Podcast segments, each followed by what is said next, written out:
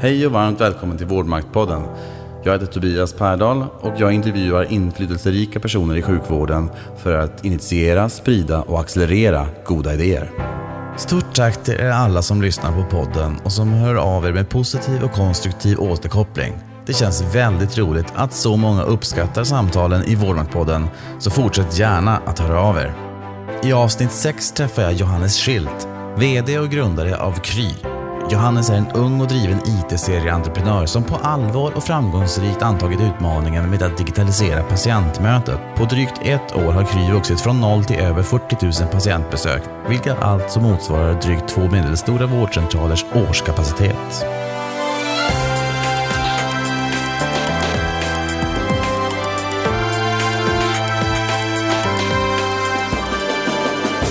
Idag talar vi om entreprenörsresan från Stardoll i tonåren till att bli en stor vårdentreprenör. Om tillgänglighetsutmaningen i primärvården, om fördelar med digitala patientmöten, om att landstingen ska fokusera på det man är bra på i en tid av förändring, ja, och mycket annat såklart. Så varmt välkommen Johannes Schilt. Tack så jättemycket. Vad skönt att man fortfarande blir titulerad som ung. Identifierar du dig som en verksamhetschef för en storskalig vårdgivare, ja, motsvarande två vårdcentraler i antalet årliga besök? Mm, nej, det skulle inte riktigt göra att jag kanske identifierar mig med den rollen som man normalt sett kallar verksamhetschef riktigt. Alltså vi är ju en, en stor del av vår affär är ju leverans av vård. Vår affär är ju också att bygga en väldigt bra produkt. Så vi är tillika mycket ett IT-produktbolag som vi är en vårdleveransbolag. Så någonstans däremellan skulle jag vilja identifiera mig då. När du var ung, ville du bli serieentreprenör? Jag tycker det är väldigt spännande att ta det här, ta någonting från idé till verklighet. Den processen är väldigt spännande och det tror jag att jag alltid har velat göra. Sen är jag från en kulturfamilj. Min pappa är regissör och min mamma är författare. Så det naturliga hade ju varit att göra någonting i det. Men det kanske är min revolt att inte göra det, inte bli skådespelare eller regissör. Sen så har jag ganska länge nu jobbat med, om man skulle säga internet, den typen av bolag. Och det blev ganska naturligt att fortsätta med det då. Det finns ju väldigt mycket möjligheter om man säger så. Men var du företagsam som barn? Alltså jag var nog inte den som, eh, som ägnade hela sommarloven åt att driva glasskiosk riktigt. Men jag var kreativ och produktiv, ska jag säga. Vad, tänk, vad gjorde du då? Oj. jag är så dålig på att tänka tillbaka i tiden. Jag, jag, är, så här, jag är väldigt fokuserad framåt och brukar väldigt sällan titta bakåt. Eh, men vad gör man när man är barn? Man leker väl? jag byggde mycket med lego. Men när jag blev lite äldre så hade jag under gymnasietiden möjligheten att hoppa på ett, ett då väldigt snabbt växande startup. Och det blev i början till min karriär. Okej, okay, redan på gymnasiet alltså? Ja, redan på gymnasiet så fanns det då det finns fortfarande ett jättebra bolag som heter Stardal som är och var en community för tjejer på, på internet. Och det var ju helt fantastiskt på många sätt för det var en generation som inte hade som hade vuxit upp med internet men det fanns ingenting riktigt som var riktat till dem. Och jag hade en kompis som jobbade där och de behövde fler personer som eh, egentligen rensade skräp på sajten om man säger så. Det var en ganska ung målgrupp så det var mycket som var realtidsmodererat. En ganska vanlig funktion på den typen av communities, det här var ju mer än tio år sedan nästan, var någonting som på Stardoll kallades broadcast där man kunde skriva ett meddelande till hela communityt. Som att man längst upp i Facebook skulle ha ett fält där vem som helst skulle kunna skriva vad som helst till alla. Eh, och I och med att det här var en ganska ung målgrupp så var det där eh, modererat i realtid hela tiden, dygnet runt. Och det var ett av mina första uppdrag på, på, på Stadol. Samtidigt då så växte det här väldigt snabbt och det fanns en liten så här, medlemsticker nere i hörnet. Eh, och jag såg att den där började liksom ticka upp. Så jag började hänga där på kontoret istället för att göra det där hemifrån. Och sen så ganska snart så var det väl Rickard Lindström som är styrelseordförande idag på, på Kry som märkte att här finns det lite potential. Kan inte du börja göra det här istället? Så då började jag jobba med projektledning och produktutveckling. Um, och sen så gjorde jag det där under två år och under, samtidigt så växte den organisationen väldigt snabbt. Vi gick från att vara kanske en halv miljon registrerade medlemmar till 150 miljoner registrerade medlemmar och från liksom 15 till 120 personer. Så det var ju en väldigt rolig resa. Var det. Wow, hur gammal var du då? 18-19 var jag. Det var, ju, alltså det var en väldigt, väldigt spännande tid. Jag kommer minns tydligt att jag, att jag stod i duschen varje morgon och var så här i extas lite så för, för att komma dit och lära sig så mycket saker. För det var ju, jag såg det som min, liksom, en, ett tillfälle att plocka på sig väldigt mycket saker. Och det var väldigt mycket duktigt folk som jobbade där då. Anders Hallin som har börjat jobba med oss här nu som marknadschef var en av dem. Och, eh, Henrik Torstensson och Marcus Knee som kör Lifesum. Och, ja, Daniel Ek och Andreas Ens var Spotify var där. Det var mycket bra folk där inne. Och det var ju en möjlighet att lära sig väldigt mycket under kort tid. Och sen så var jag ju väldigt ung, men jag, det var inte så många som visste hur gammal jag var. Så jag tror att jag försökte undvika att tala om det för folk. jag är väl fortfarande ganska ung, men inte lika ung som jag var då. Uppenbarligen, för det har gått tio år. Programmerar du själv någonting? Nej, tyvärr inte gör jag inte det.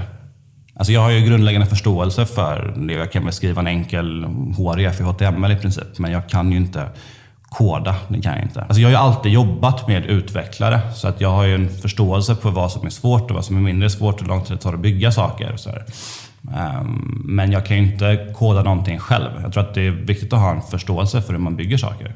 Sen är det ju av allra högsta vikt att man har duktiga personer med sig som kan det. Du startade upp några IT-bolag efter den här tiden. Um, mm. Gjorde du det under tiden som du studerade? Jag var där två år på Stad och det var jätte, jätteroligt. Sen så efter två år där så kände jag väl att, att min lärokurva började plana av. Och då tänkte jag så att man ska ju plugga. Så då um, började jag läsa civilekonomprogrammet på Stockholms universitet och under den tiden så startade jag upp en liten e-handelslåda som då hette plonka.se som sålde plånböcker. Jag hade jobbat väldigt mycket med produkt och produktutveckling. Jag hade jobbat mindre med kundanskaffning och marketing. Så för mig var det också ett sätt att lära sig det, liksom hands-on. Och börja köpa trafik. Så det var egentligen mitt första lilla egna bolag. Jag tror att jag, jag la mina absolut sista pengar på ett varulager från Indien som jag gjorde ett eget varumärke kring. Jag vet jag hade, jag hade en marketingbudget på 25 kronor om dagen. För det var det jag hade råd med. Men jag hade faktiskt direktavkastning på den Eh, på det från andra dagen egentligen. Så att hade jag vetat vad jag vet nu så hade jag skalat upp det där lite mer aggressivt då. Men det var någonting som jag drev under, under tiden jag pluggade på universitetet samtidigt som jag jobbade en hel del extra tid på Stadholm. Vad vet du nu som du skulle det som är möjligheten i vår bransch och det som är roligt i vår bransch är att saker förändras väldigt, väldigt snabbt. Jag kan säga att så här, under en period på, på och senare så var jag med och byggde våra social games på Facebook-spel och då var det liksom, det var jag och några på King som kunde det riktigt bra. Men så här, den, all den kunskapen jag hade då är ju helt deprecated. Den är ju inte värd någonting längre för att det är andra tekniker, det är andra sätt man jobbar på. Så det är ju, man måste ju hela tiden hålla sig uppdaterad och ajour. Och det är ju det som är lite så frustrerande när man tittar om man kopplar det här till liksom sjukvården där man kanske upphandlar den här typen av teknik på ett sätt som man upphandlar en bro. Liksom. Det är så här, ja, men som exempel då med, med smartphones. När jag började jobba på Stadol för tio år sedan, det fanns ju inte. Det fanns inte. Och sen så där träffade jag Sebastian Aschar som jag hade mitt förra bolag med.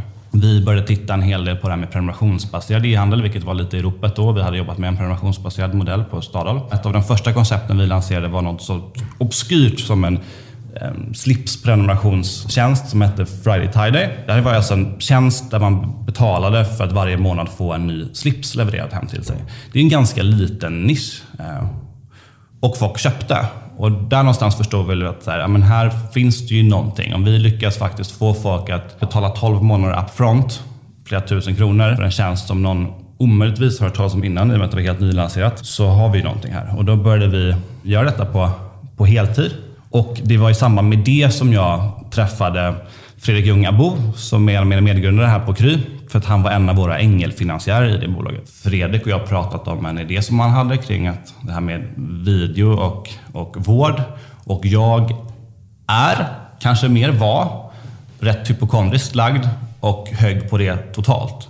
Det här är ju så uppenbart, det här måste vi göra. Vi måste grotta mer i varför inte det här finns. Och jag satt så som VD på, på Tidy Group, som mitt tidigare bolag hette.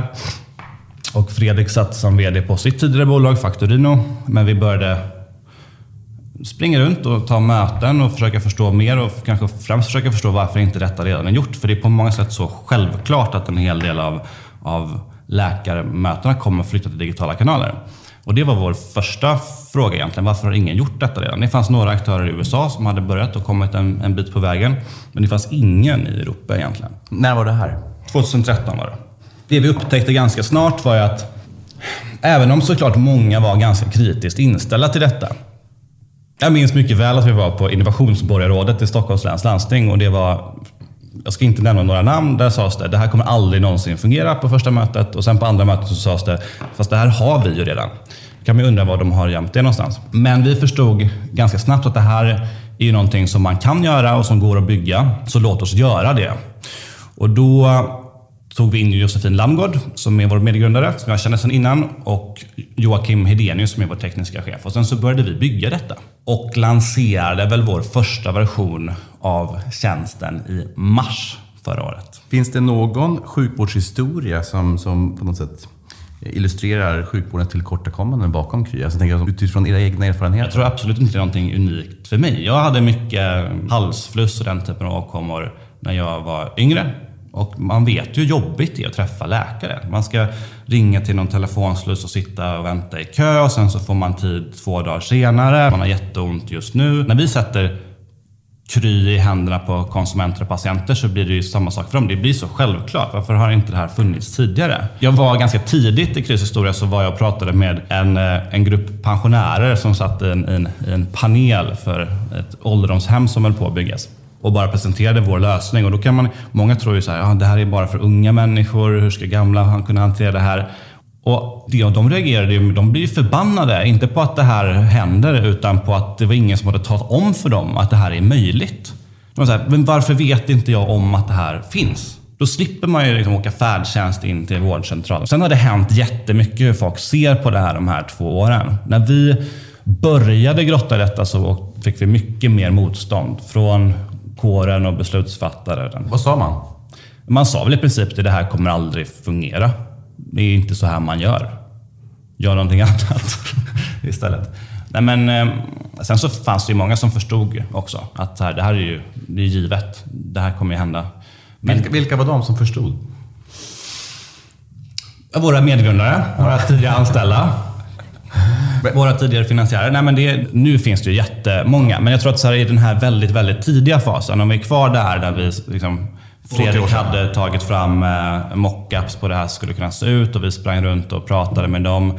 Och vi pratade med läkare, och vi pratade med beslutsfattare, vi pratade med liksom folk som ägde vårdcentraler. Och det är klart att det fanns några som förstod att det här, det här är ju superspännande. Det här vill vi vara med på många fanns det. Sen fanns det många som var väldigt pessimistiskt inställda till detta.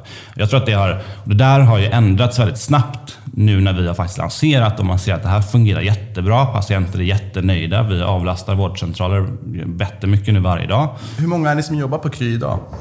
Bra fråga. Det här borde man ju känna till. Men vi växer ju ganska snabbt. Vi är fortfarande ganska få ändå. 17 personer kanske anställda. 15, 16, 17. Exkluderat läkare. Det är utvecklare och liksom personer som har olika ansvarsområden. Ja. Ja. Eh, och vi befinner oss just nu på Kry, eh, och, ehm, alltså på ert kontor. Det här är exkluderat läkare. Jo, Johan Flodin, vår medicinskt ansvariga läkare, sitter här. Um, och sen ibland så sitter läkare som jobbar med oss åt oss, hos oss här uppe också. De mesta läkare som jobbar för oss jobbar ju hemifrån. Kan du berätta lite grann, hur möter man som patient en läkare? Hur tjänsten fungerar? Ja, exakt. Vi kan dra det lite kort. Nästan som man skulle ha sin telefon i handen här. Man laddar hem vår app, Kry, i App Store eller Google Play. Sen loggar man in då säkert med BankID. Det behöver man ha för att kunna använda vår tjänst. Som patient? Som patient, ja. ja. Ja. Först väljer man om man vill boka för sig själv eller för sina barn. Sen börjar man med att beskriva sina symptom. Man kan också välja bland, bland vanliga symptom som vi ofta avhjälper. Då får man symptomspecifika frågor framtagna av allmänspecialister kring det symptomet. Och det här är information som läkaren får ta del av innan mötet börjar, vilket gör att det blir rätt effektivt, själva mötet. Sen så ställer man sig i drop-in-kö och vi har väl ungefär 7-8 minuters väntetid i snitt. Då. Sen efter 7-8 minuter så ringer läkaren upp dig med video i vår applikation. Och då sätts ett samtal igång och man som patient pratar med läkaren. Som Skype alltså? Som Skype kan man säga, eller som Facetime. Men det sker ju inom Krys app. Man lämnar inte Krys app, utan själva videosamtalet sker hos oss. Och Då pratar man med läkare precis som man skulle gjort om man var på en vanlig vårdcentral. Skillnaden då är att läkaren inte kan klämma och känna på det. Så det lämpar sig bäst för den typen av symptom där man inte behöver klämma och känna på patienten. Vilket ju visat sig vara ganska många. Och därefter då kan läkaren komma med råd eller skriva ut ett recept och remittera det vidare. Som ett vanligt vårdmöte. Vi har läkare idag, vi har lite psykologer också, men vårt fokus är på läkare läkarsidan. Så som läkare fungerar det i princip likadant. Man har ett lite annat interface och såklart. Då loggar man in med BankID eller SITS-kort så tar man emot patienter helt enkelt. Och innan man tar emot den här patienten så kan man läsa på om patienten, vem det är man ska träffa, vad det är patienten undrar över. Om patienten kanske laddat upp en bild, om man har ett eksem eller sår eller vad det nu kan vara, så kan man titta på den bilden.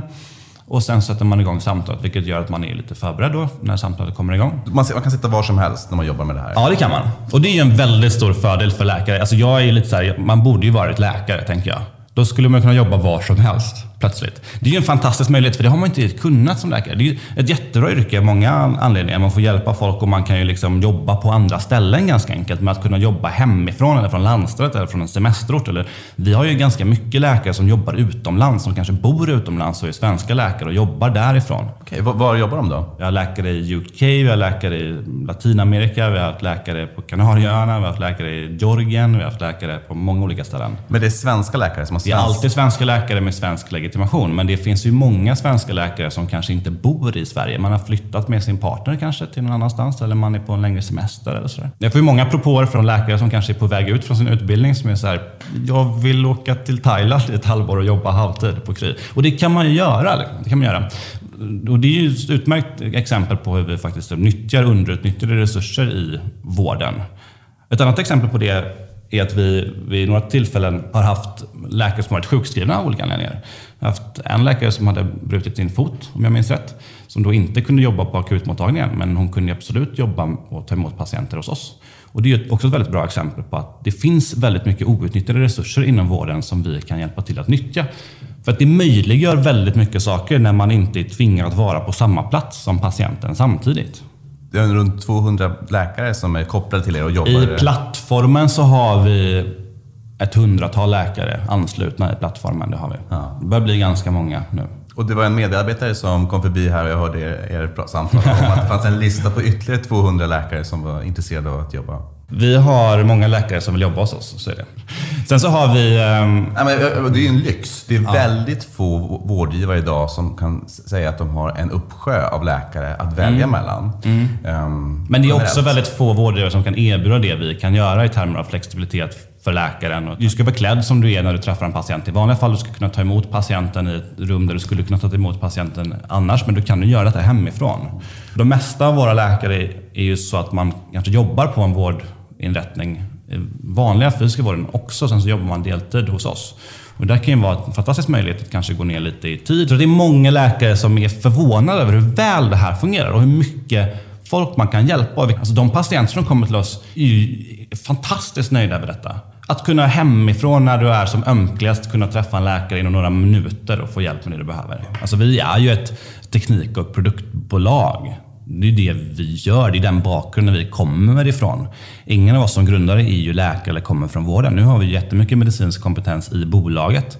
Men vår utgångspunkt ligger ju ändå i att bygga en väldigt bra konsumentprodukt för patienten. Men om, säg att jag har en vårdcentral Ja. och jag, det här vill jag börja använda så att mina doktorer kan jobba med det här med våra patienter. Ja. Är det en tjänst som ni erbjuder att, att hjälpa andra Ja, vårdgivare? till viss mån gör vi ju det. Vi erbjuder ingen white label-lösning eller så, utan vi gör detta under, under eget varumärke i så fall. Men vi kan ju absolut, om man har en vårdcentral och vill ha hjälp med att avlasta, så kan vi hjälpa till med det. Och vill man att eh, läkaren på ens vårdcentral ska kunna använda vår plattform för återbesök så går det också utmärkt att göra det. Då, då kan man höra av sig till er? Och, Ja, vi har många sådana exempel där, där, där man använder Kry som en, eh, som en lösning för att ta emot uppföljningar till exempel. Var då i Sverige? Eller vilka landsting är det som vänder sig till er? Eller privata vårdgivare? Det är en del privata vårdaktörer. Vad spenderar du mest tid att fundera över som VD för Kry? Framtiden. Ja, men nu spenderar jag ganska mycket tid på att rekrytera. Vi behöver växa teamet. Vi är lite understaffed fortfarande, så det lägger jag mycket tid på. Sen så är det så att vi bygger inte detta för den svenska marknaden enbart, utan vi, vår ambition och vårt mål är att bli ledande på detta på ett europeisk nivå. Så det är någonting som jag fokuserar rätt mycket på också. Det här är ju uppenbart att det här kommer hända. Det är en megatrend. Det finns liksom ingenting som kan stoppa att en hel del av patientmötena kommer flytta till digitala kanaler. Hur kan vi se till att det händer snabbare? är någonting jag funderar på. För det här är någonting som är superbra för alla. Det är bra för oss som skattebetalare för det avlastar vården jättemycket. Det är bra för oss som patient för att man har mycket högre tillgänglighet. Men, men äh, växer inte snabbt redan? Jättesnabbt. Men det är, en, det är en utmaning att göra mycket saker såklart. Anledningen till att vi har kommit väldigt långt på ganska lite investerat kapital i förhållande till många av våra konkurrenter i Europa eh, och ganska liten personalstyrka är att vi har varit duktiga på att sålla bort saker. Man måste, kunna, man måste säga nej till grejer. Vad har ni sagt nej till? Jag har sagt nej till investerare, jag har sagt nej till olika samarbetspartner. Även liksom stora samarbetspartner har vi ibland tackat nej till för att vi ser att det här går inte lite i, linje med vad det är vi vill, för typ av tjänster vi vill bygga. Vi bygger ju detta med, med, med patienten och konsumenten i fokus hela tiden. Och Tittar man på aktörer inom den ordinarie vården så kanske det är någonting man påstår att man gör. Fast egentligen så bygger man den med liksom leveransdelen i, i fokus. Det vill ju inte vi göra. Vi bygger det direkt till, till patienten. Inte för ett ordinarie vårdsystem. Vi vill ju ändra hur det här fungerar. Sen så är vi öppna för att göra samarbeten med liksom välvalda aktörer. Har du haft några motgångar? Förhållandevis få ändå. Det finns ju en parameter här som är, som är viktig. Det är, så här, det här är, det är liksom ingen tvekan om att det här kommer hända. Det är så här, kommer det här slå eller inte? Det är så här, ja, det är klart att det här kommer hända.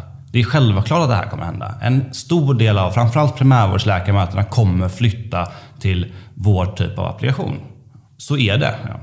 Och det där har vi ju, det vet vi. Sen så har vi jättemycket utmaningar och massa hinder att ta oss över för att nå dit. Men det är självklart att det här kommer hända. Vilka, vilka är de hindren? Ja, men regulatoriska hinder, det finns fortfarande ambitioner hos en del regioner och landsting att man ska bygga sådana här saker själva. Att man ska lägga våra skattepengar på att köpa dyra konsulttimmar för att bygga egna sådana här typer av lösningar. Varför ska man inte det? Jag är den starka åsikten att man ska göra det man är bäst på. Och mig veterligen så är det väldigt få regioner som är absolut bäst på att bygga en applikation så som Kry.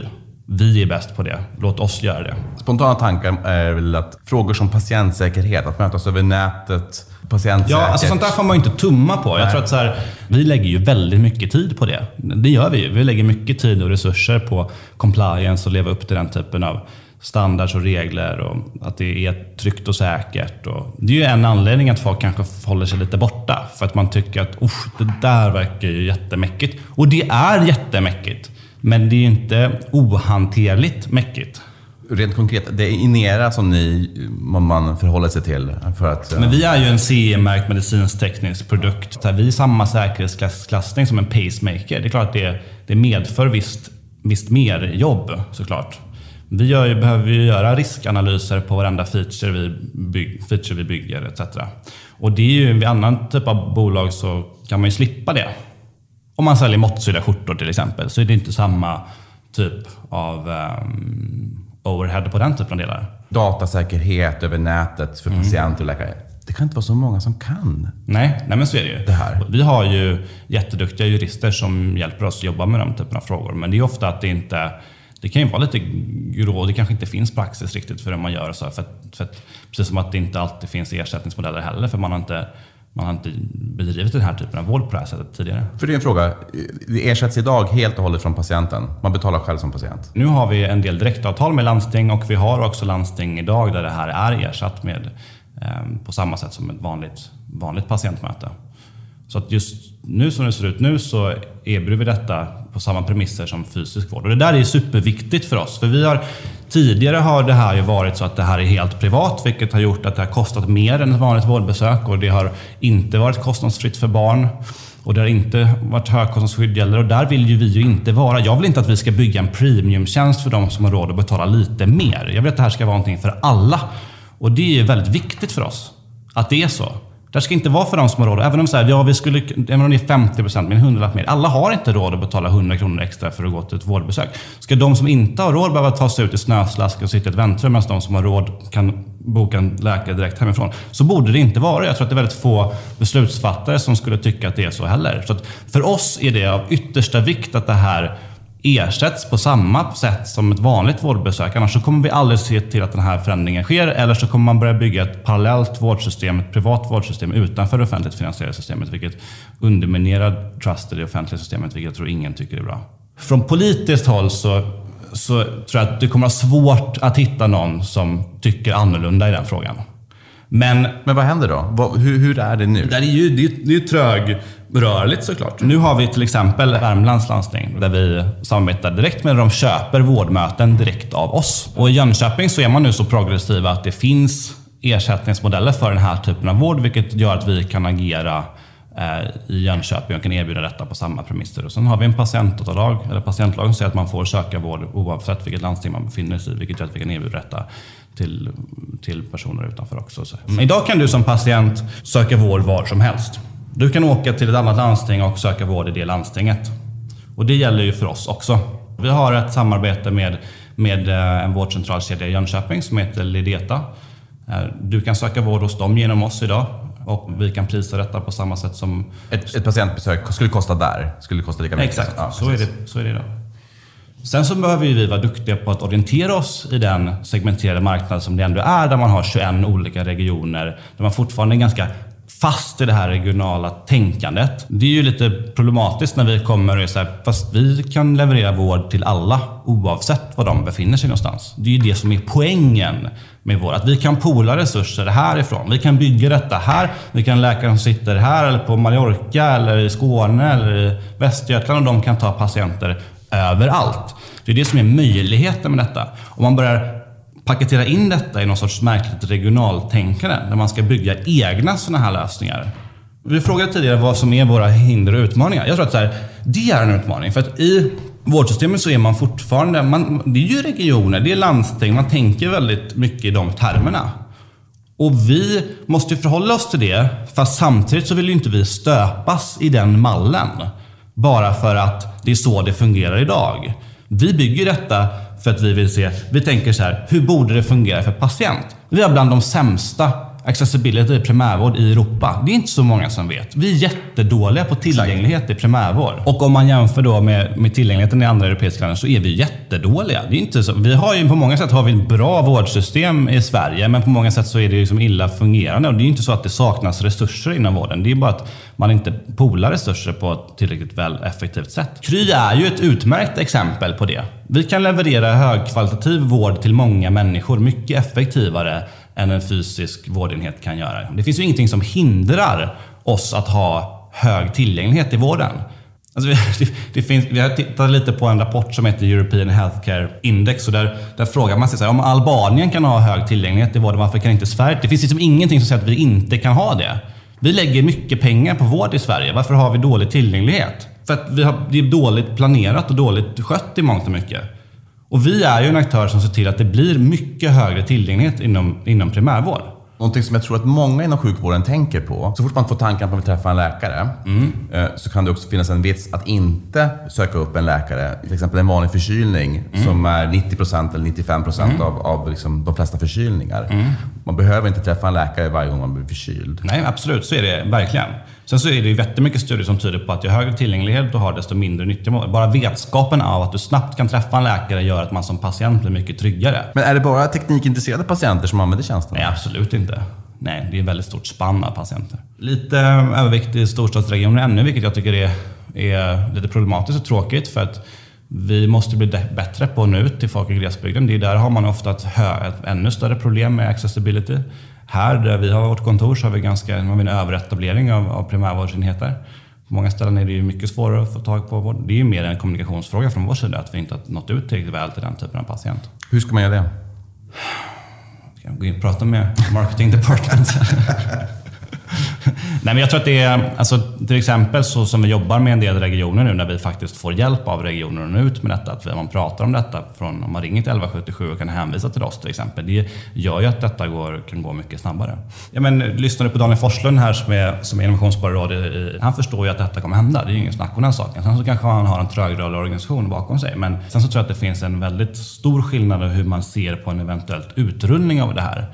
Och där tror jag att det finns en stor risk att det kommer finnas många projekt där det läggs hundratals miljoner av våra skattepengar på att bygga liknande krylösningar. Det finns fortfarande en sorts protektionistisk tanke att man gärna vill bygga saker själv och sådär. Det är en stor risk skulle jag säga. Tror du att sjukvården som organisation fostrar egenskaper som försvårar entreprenörskap och kanske ja, riskbenägenhet? Ja, vi pratade väl lite om det. Jag tror, att här, jag tror att det finns någon inbyggd aspekt i det. Jag tror att man som, du är ju läkare. Jag tror att man som läkare blir man ju tränad till att inte ta risk. Och det är ju toppen att man inte tar risk när man träffar patient. Så ska det ju vara. Men det kanske också gör att många läkare du är ju ett undantag, eh, kanske inte är så bra entreprenörer. För att man måste ta risk som entreprenör.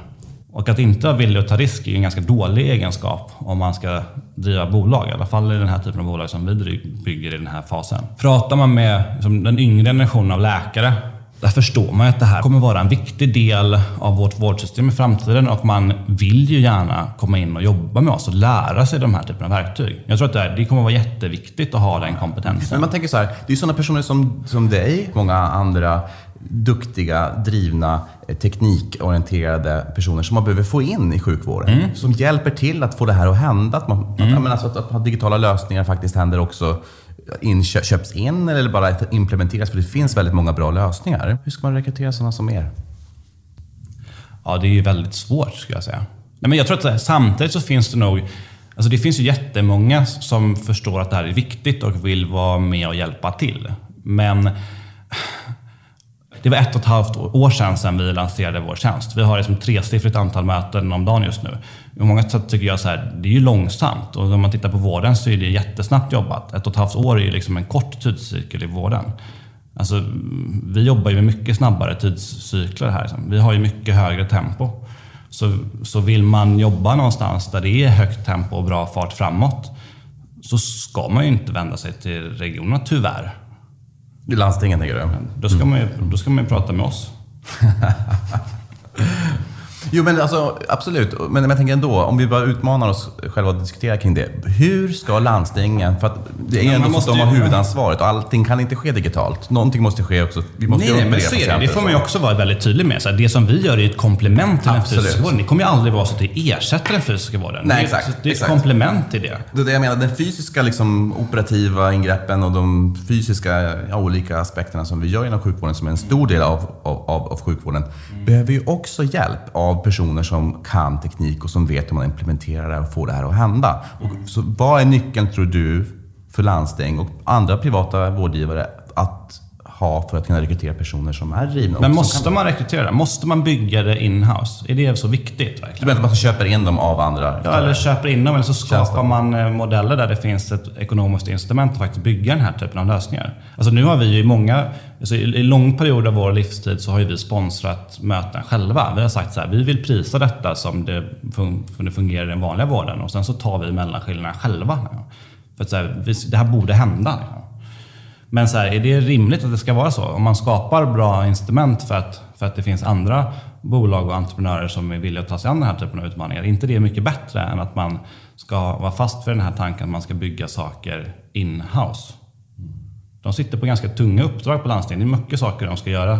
Ska de bygga vår typ av lösning? Nej, den, nej absolut inte. Jag tror att det kan vara konkurrenshämmande också att man liksom börjar gödsla skattepengar på att bygga saker in-house när det finns liksom, entreprenörer som är villiga själva ta risken, kanske monetärt, eh, och göra. Så det du beskriver egentligen en framtid där vi vet att allt mer teknik, tekniktunga och tekniklösningar som kommer i en stor anstormning så behöver vi ta in entreprenörer och liksom externa personer som, som kommer och hjälper oss med det här. Det, jag tror att det vi kommer inte anställa de här, är inte tanken framåt. Jag tror, att, jag tror att man ska skilja lite på det. Jag tror att det, finns, att det är jättebra att man skapar infrastruktur för andra aktörer att kunna bygga på. Det är jättebra. Men att bygga allting hela vägen till slutkonsument eller patient själva, det tror jag absolut inte på. Men vi har, vi har jättebra utbyggt bredbandsnät etc. Vi har, vi har ett e-receptsystem på plats.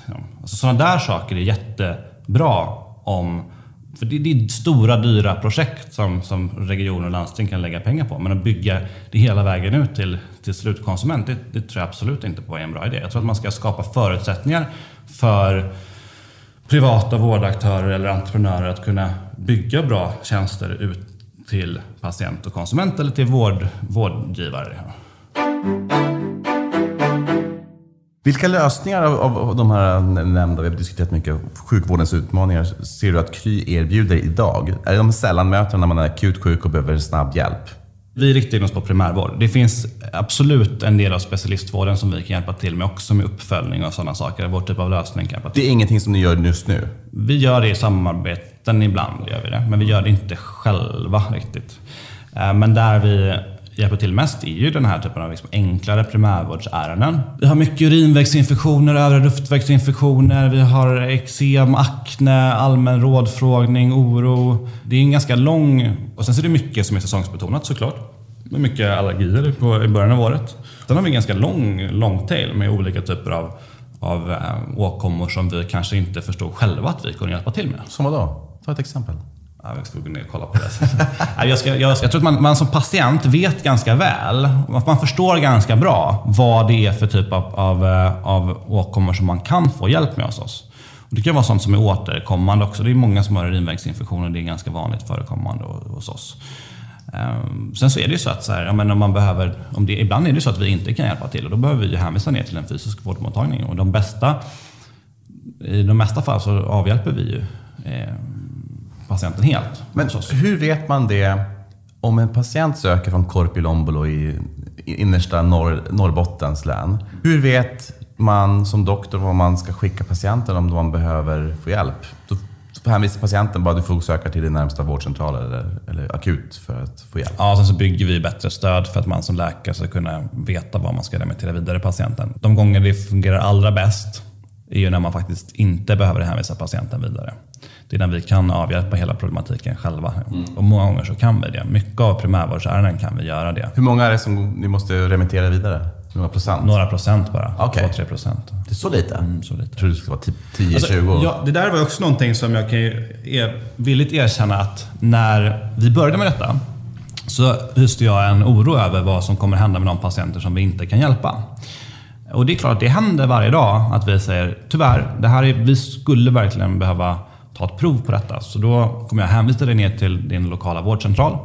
Men det vi ser där är också, där, våra läkare är tränade att, att ge feedback på var man ska söka sig någonstans, vad man ska fråga när man väl är där.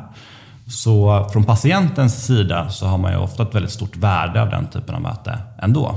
Jag tror också att det är ganska intuitivt för, för en själv som patient att man söker inte om man får plötslig bröstsmärta. Liksom, då söker man inte appen som Nej, hjälp. Har du brutit foten så förstår du att det här är inte är den bästa kanalen. En stor utmaning för oss framåt, så att vi kanske kan ta 30-40% av primärvårdsmötena redan idag. Men en stor utmaning för oss framåt är såklart att vi ska kunna hjälpa till med ännu fler saker. Ni, ni kan ta 30-40% tror du? Alltså det vill säga att ni, det digitala eller virtuella vårdmöten kan avlasta primärvården med 30-40%? Vi satte igång så pratade vi med mycket allmänspecialister och sen så tog vi fram ett antal symptom som vi var så här, det här är vi helt säkra på att vi kan avhjälpa. Liksom. Du har ju varit på akutmottagningen. Det är många som är på akutmottagningen som inte borde vara där alls, som kanske borde vara på en primärvårdsenhet och det är många som är på en primärvårdsenhet som kanske borde vara, vara hemma istället. när vi säger många så ska jag bara förtydliga att um, till antalet så är det en betydande del i Sverige som sitter på akutmottagningen garanterat med en urinvägsinfektion eller motsvarande som går att lösa och avhjälpa på annat sätt. Men det är en stor del som inte kan det. Men, men, men, men, så är det. Nej, men, så är det. men bara, kunna liksom, bara kunna plocka bort några av de här urinvägsinfektionerna som ja. ändå kommer in varje dag på akutmottagningar. Exakt. Så just nu så sitter det en massa folk på akutmottagningar och tar tid från andra, från andra läkare med saker som vi skulle kunna avhjälpa direkt från väntrummet. Och för att illustrera det, jag går som specialist och hjälper till då och jobbar på akutmottagningarna. Senaste natten som jag jobbade så var det en stackars tjej som kom och hade en urinvägsinfektion och det var jättejobbigt för henne mitt på natten. För det finns ingen vårdgivare som kan hjälpa till på natten eh, idag. Ja, vi kan från, frånsett akut, ja, okay, för, mm. akutmottagningen. Eftersom att vi är en akutmottagning så tar vi hand om de svårast sjuka först. Så mm. man får vänta då. Så, det är så det fungerar. Mm. Bara för att illustrera att behovet finns. Och det där händer ju varje dag. Händer det. Då kommer frågan, sig, behöver man inte massa prover och sånt där på någon som har urinvägsinfektion? Och faktum är att det behöver man inte. Inte för de enkla okomplicerade fallen. Och då är det majoriteten alltså. Bra förtydligande där. Hur många patienter har Kry hjälpt idag? Tiotusentals patienter. Vet du hur många öppenvårdsbesök som görs per år i Sverige? Det är väl typ 14-15 miljoner? Ja, 17 miljoner har jag läst. Ja. Men alltså, om man tänker sig att det är, som du säger, mellan 30 och 40 procent. Mm. Det är fort väldigt många besök som kommer att göras digitalt. Och 40 000 idag. Säg att eh, min doktor och andra liksom konkurrenter och, och så som Nej, finns. Vi, alltså, vi ligger ganska om par i volym, vi ja. och min doktor. Och vi, så här, vi hjälps ju åt att dra detta på många sätt. Exakt. Men säg att, säg att det är 100 000 eller sånt där då, besök som har gjorts. Mm. Det är försvinnande lite mm. av vad som kommer Ja, alltså vi har ju fortfarande bara börjat skrapa lite på ytan på detta. Det har vi. Vad får du för återkoppling från patienterna? Oj, helt fantastisk. Alltså om jag skulle sitta och läsa upp våra patientomdömen här så skulle folk tro att jag hittar på. Tacksamheten eller liksom att man tycker Men, det är bra? Det, eller ja. återkopplingen som är positiv? Ja. Mm. Nej, vi får en helt fantastisk feedback. Vi har men 98% av de kunder som kommer in till oss uppger att de har fått den hjälp de behöver. Vi har liksom snittomdömen på mellan 4,8 4,9 av 5. Och det här är också någonting som är väldigt roligt att jobba som läkare hos oss. För att det är ju så här, man får ju ta del av den här typen av omdömen. Jag tror att så här, våra läkare blir överrösta med beröm på många sätt. Och det är ju såklart tacksamt. Hade du förväntat dig det? Nej, alltså det skulle tas emot så här väl. Det tror jag vi inte riktigt hade väntat oss. Vad är återkopplingen från eh, läkarna som jobbar? Som talande exempel, ganska tidigt så var det en lite äldre läkare som efter viss övertalning var så här, ja men jag, jag testar och, och, och gör detta. Och så kom tillbaka efter första passet lite i extas och var så här, det här är ju precis som ett vanligt läkarbesök, bara att man slipper ta i hand. Och det är ju bara bra för smittorisker. Alltså en ganska vanlig feedback från våra patienter är att man inte har känt sig så här sedd innan. Det är liksom en, en mening som förekommer ofta. jag har aldrig sett mig så här sedd. Hur många patienter tar man som läkare? Många av våra läkare kanske träffar fyra, fem patienter i timmen. Vi vill ju kunna hjälpa ännu fler och då blir det ju viktigare att kunna göra bättre remissprocesser. Och det blir ju, där behöver vi bygga bra stöd för läkarna för att patienten är utspridd över hela landet. Kan man idag beställa prover som, som läkare? Ja, vissa prover har vi idag. Vi har en del vi har en hel del klamydia mykoplasma till exempel där vi har ett samarbete med ett bolag som heter Dynamic Code som gör hemtester. Så det kan man beställa genom oss och så kan man få uppföljning och partnerspårning och sådär genom oss. Och det där är ju någonting som vi följer det här med liksom hemtestmarknaden. Där måste vi bara säkra kvalitativa tester. Liksom. Det kommer vara mycket av de testerna som man gör på en öppenvårdsmottagning idag som kommer kunna flytta till hemmet. Ett exempel, som chef så hade jag ett möte här ungefär ett år sedan med en stor eh, tillverkare av såna patientnära analysapparater. Mm. Och jag såg deras, liksom, det som de säljer nu. Och då pratar vi om i princip ett centrallaboratoriets totala eh, labbförmåga i handen och du får svar inom fem minuter. Vad tänker du och ni om artificiell intelligens och maskininlärning? Ha, jo, men det är ju superspännande. Det är klart någonting som vi följer. Det är det ju. Och jag tror att så här, där, alltså dels som beslutsunderlag till läkaren. Sen så tror jag att så här, alltså, Man kan inte komma ifrån den sociala interaktionen är viktig i vårdmötet. Så är det ju. Alltså det finns ju också väldigt ofta mycket oro förknippat när man är sjuk. Så är man orolig. Och så här, det är klart, alltså, du har ju en mycket bättre förmåga att hämma min oro än vad läsa en text har eller en, en robot har, än så länge.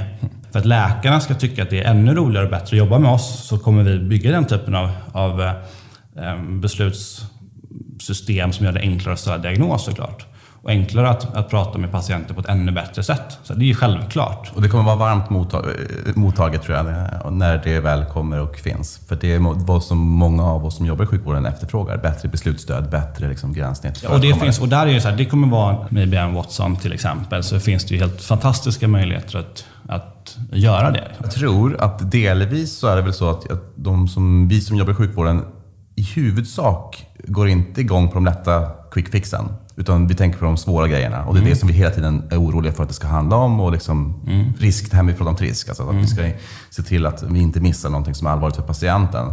Och då är vårt mindset väldigt mm. mycket i de här svåra tillstånden som mm. kräver att man faktiskt gör saker med patienten fysiskt. Ja. Och liksom undersöker röntgen, blodprover, operationer, alltså allt det här. Mm. Men så bör det ju vara på många sätt. Men så här, då kan vi, där finns ju ett utmärkt tillfälle för oss att kunna hjälpa till med och, som, och leverera den typen av vård som vi är bäst på. Hur ser du på eh, konkurrenter då? Från som till exempel eh, Min Doktor eller Medicheck eller andra eh, digitala aktörer? Uh, nej men vi är ju konkurrenter på många sätt. Så är ju, vi och min doktor är ju konkurrenter, men i stort så tror jag att det är ganska bra att det finns fler aktörer som hjälper till att driva den här agendan och se till att det här kommer börja hända snabbare. Sen så gör det också att vi har en, en, eh, en konkurrent på hemmamarknaden gör att vi får hålla oss lite på tårna. Det tror jag är ömsesidigt. Och så finns det några i UK som faktiskt har liksom lite volym. Men det är ganska få ändå på europeisk nivå som har kommit någon vart. Men det är klart att om vi tittar tillbaka för två år sedan så fanns det i princip inga aktörer. Tittar vi nu så finns det, börjar det ploppa upp aktörer lite varstans. Det, gör det. ju det fanns ju några, när vi började titta på detta fanns det några amerikanska aktörer. Ett som heter Dr. On Demand, MD Live, Teladoc. fanns det några. Men det är samma sak där. De har också bara börjat skrapa på ytan lite. Jag har jobbat en period i Tanzania i Dar es Salaam och um, vitt, jag, kan, jag har ju liksom sett eh, hur man har froglipat helt, till exempel telekommunikation. Du kan åka nästan var som helst ute i Tanzanias bush. Liksom. Men folk har ju smartphones. Man har smartphones, det är min poäng. Ja, precis. Det är många marknader där man hoppat över hela desktop, tablet eller desktop-steget. Man har gått direkt till smartphone som man har 4G-nät. Liksom. Istället för dator, precis. Exakt. Eh, Och eh, där kan man ju tänka sig vilken enorm möjlighet det finns i de fattigare länderna ute långt ifrån, där vi pratar om att det kanske finns en läkare på tiotusentals människor eller ännu fler. Nej. Att få kontakt med någon som kan hjälpa dem. Ja, jag tänkte det. Och så kunna jag också kanske vara här uppe och hjälpa folk i utvecklingsländer. Det finns ju också sådana möjligheter.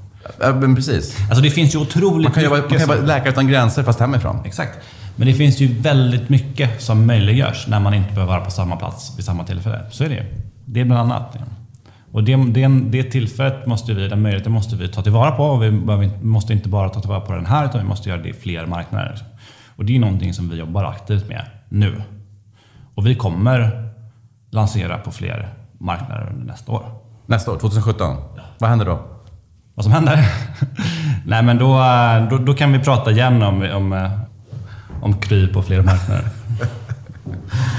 Nej men det bästa är att man... Vad är ditt råd till liksom landstingen som just nu sitter... Jag tycker liksom- att, att, att, att eh, vi har ett samarbete nu med Värmlands landsting där, de, där vi samarbetar med dem direkt med regionen där de köper möten av oss där vi kan hjälpa dem att serva deras invånare. Det är en mycket bättre lösning än att man är som i somliga landsting vill låsa in en sån här marknad att med en upphandlingsstruktur. Att så här, nu ska vi köpa eh, videotjänstlösningen. Utan ska vi tvinga alla våra vårdaktörer att använda just den lösningen så som man ibland har gjort med journalsystem. Att man, det tror jag är en, är som- är en, en innovationshämmande lösning. Du säger det flera gånger här att ni är ju bäst på att bygga den här typen av plattform. Och det måste jag ha också utifrån den aspekten att göra med vilka personer som jobbar här och hur man rekryterar talang Ja, för att utveckla den här typen av produkter. Det kan inte vara så många som kan det. Nej, det är väl inte så att det är så många som kan det faktiskt. Nej, så är det ju. Nej, men så vi, vi brottas ju också med det. Vi har en väldigt, alltså för oss att rekrytera är inte så svårt. För det är många som söker sig hit, väldigt mycket duktiga folk som vill vara med på den här resan och Swedbanken vara med och förändra någonting på riktigt och hjälpa väldigt mycket människor. Det är ju otroligt spännande och det är det som håller oss igång här varje dag. Ehm, men det är klart att vi slåss ju med alla de andra stora jättarna som Spotify och King och andra bolag om, om kompetens. Så är det ju. Och vad är nyckeln då för att eh, lyckas rekrytera de här personerna? Men jag tror att det finns, att det finns, att det finns jättemånga som, som attraheras av att faktiskt hjälpa till på riktigt. Alltså att man, att man känner att det är ett socialt värde här alltså som Det är finns ett otroligt värde för, för, för kåren, för patienten, för oss som nation och skattebetalare. Så här, det finns ett väldigt stort värde i den tjänsten vi levererar. Och det förstår folk och det är många som vill vara med på den resan. Och man ser också att det finns en, vi ser att det finns en väldigt stor möjlighet att faktiskt stöpa om hur, hur vårdsystemet och leveransen av vård fungerar. Och vi har ju ändå på ganska kort tid etablerat oss som en stark spelare i detta. Och det är ju bara början fortfarande. Så det är ju såklart en superspännande resa. Jag är tämligen säker på att många beslutsfattare som lyssnar på den här podden ehm, eh, är nyfikna på... Vad, vill du säga till dem? Nej, men jag tror att alltså, många beslutsfattare som, har, som lyssnar på det här har, känner förhoppningsvis har de förstått att det här är någonting som är alla till godo, som är bra. Och jag tror att så här, min oro är att vi inte exekverar tillräckligt snabbt. Vi gör allt vi kan för att rulla ut det här så snabbt vi kan. Men alla vi kan, som vi kan få med oss och kan hjälpa oss till att det här händer snabbare är ju toppenbra. Eh, känner du till eh, Burning Man? Ja, det har ju blivit någon grej inom startup-sfären. där. Har du funderat på att själv åka iväg på det? Nej, eller funderat i alla fall. Hur mycket man har funderat på som man kommer fram till att man inte... Nej, jag är för gammal. Nej, men eh, har du funderat på att åka? Men vi kan Så åka nästa år och sätta upp ett camp. Nu till några avrundningsfrågor. Ehm, vet du någonting om sjukvården som du tycker att andra borde känna till? Ja, att vi har väldigt dålig tillgänglighet inom primärvården. Det tror jag att det är många som inte vet om.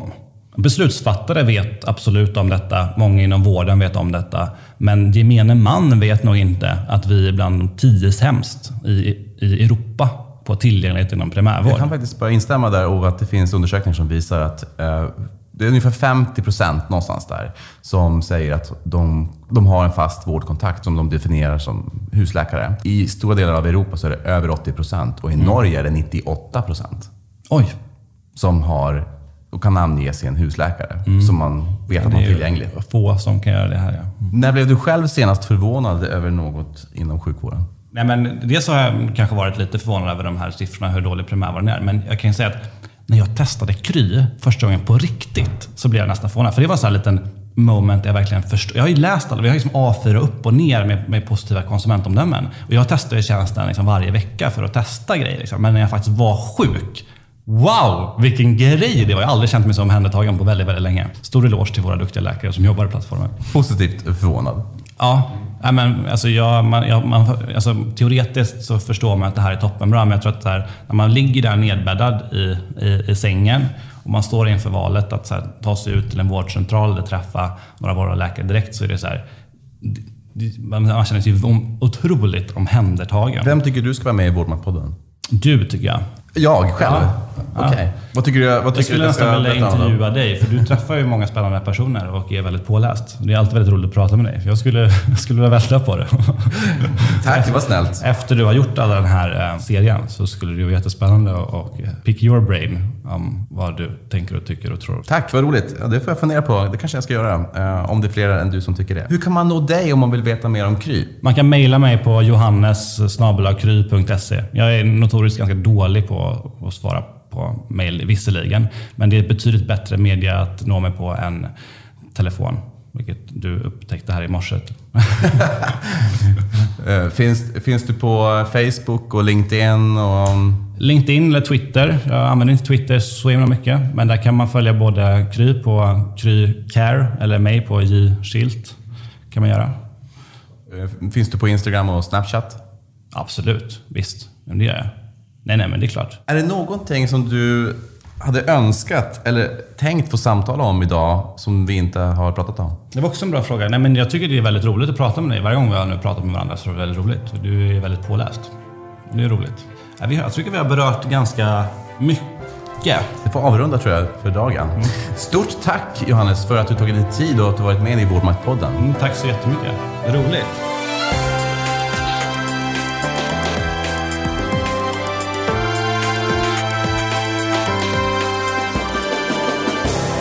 Jag hoppas att du blir inspirerad av samtalet med Johannes Schilt. Dela gärna med dig om vad du tänker och tycker på Vårdmaktpoddens Facebook-sida.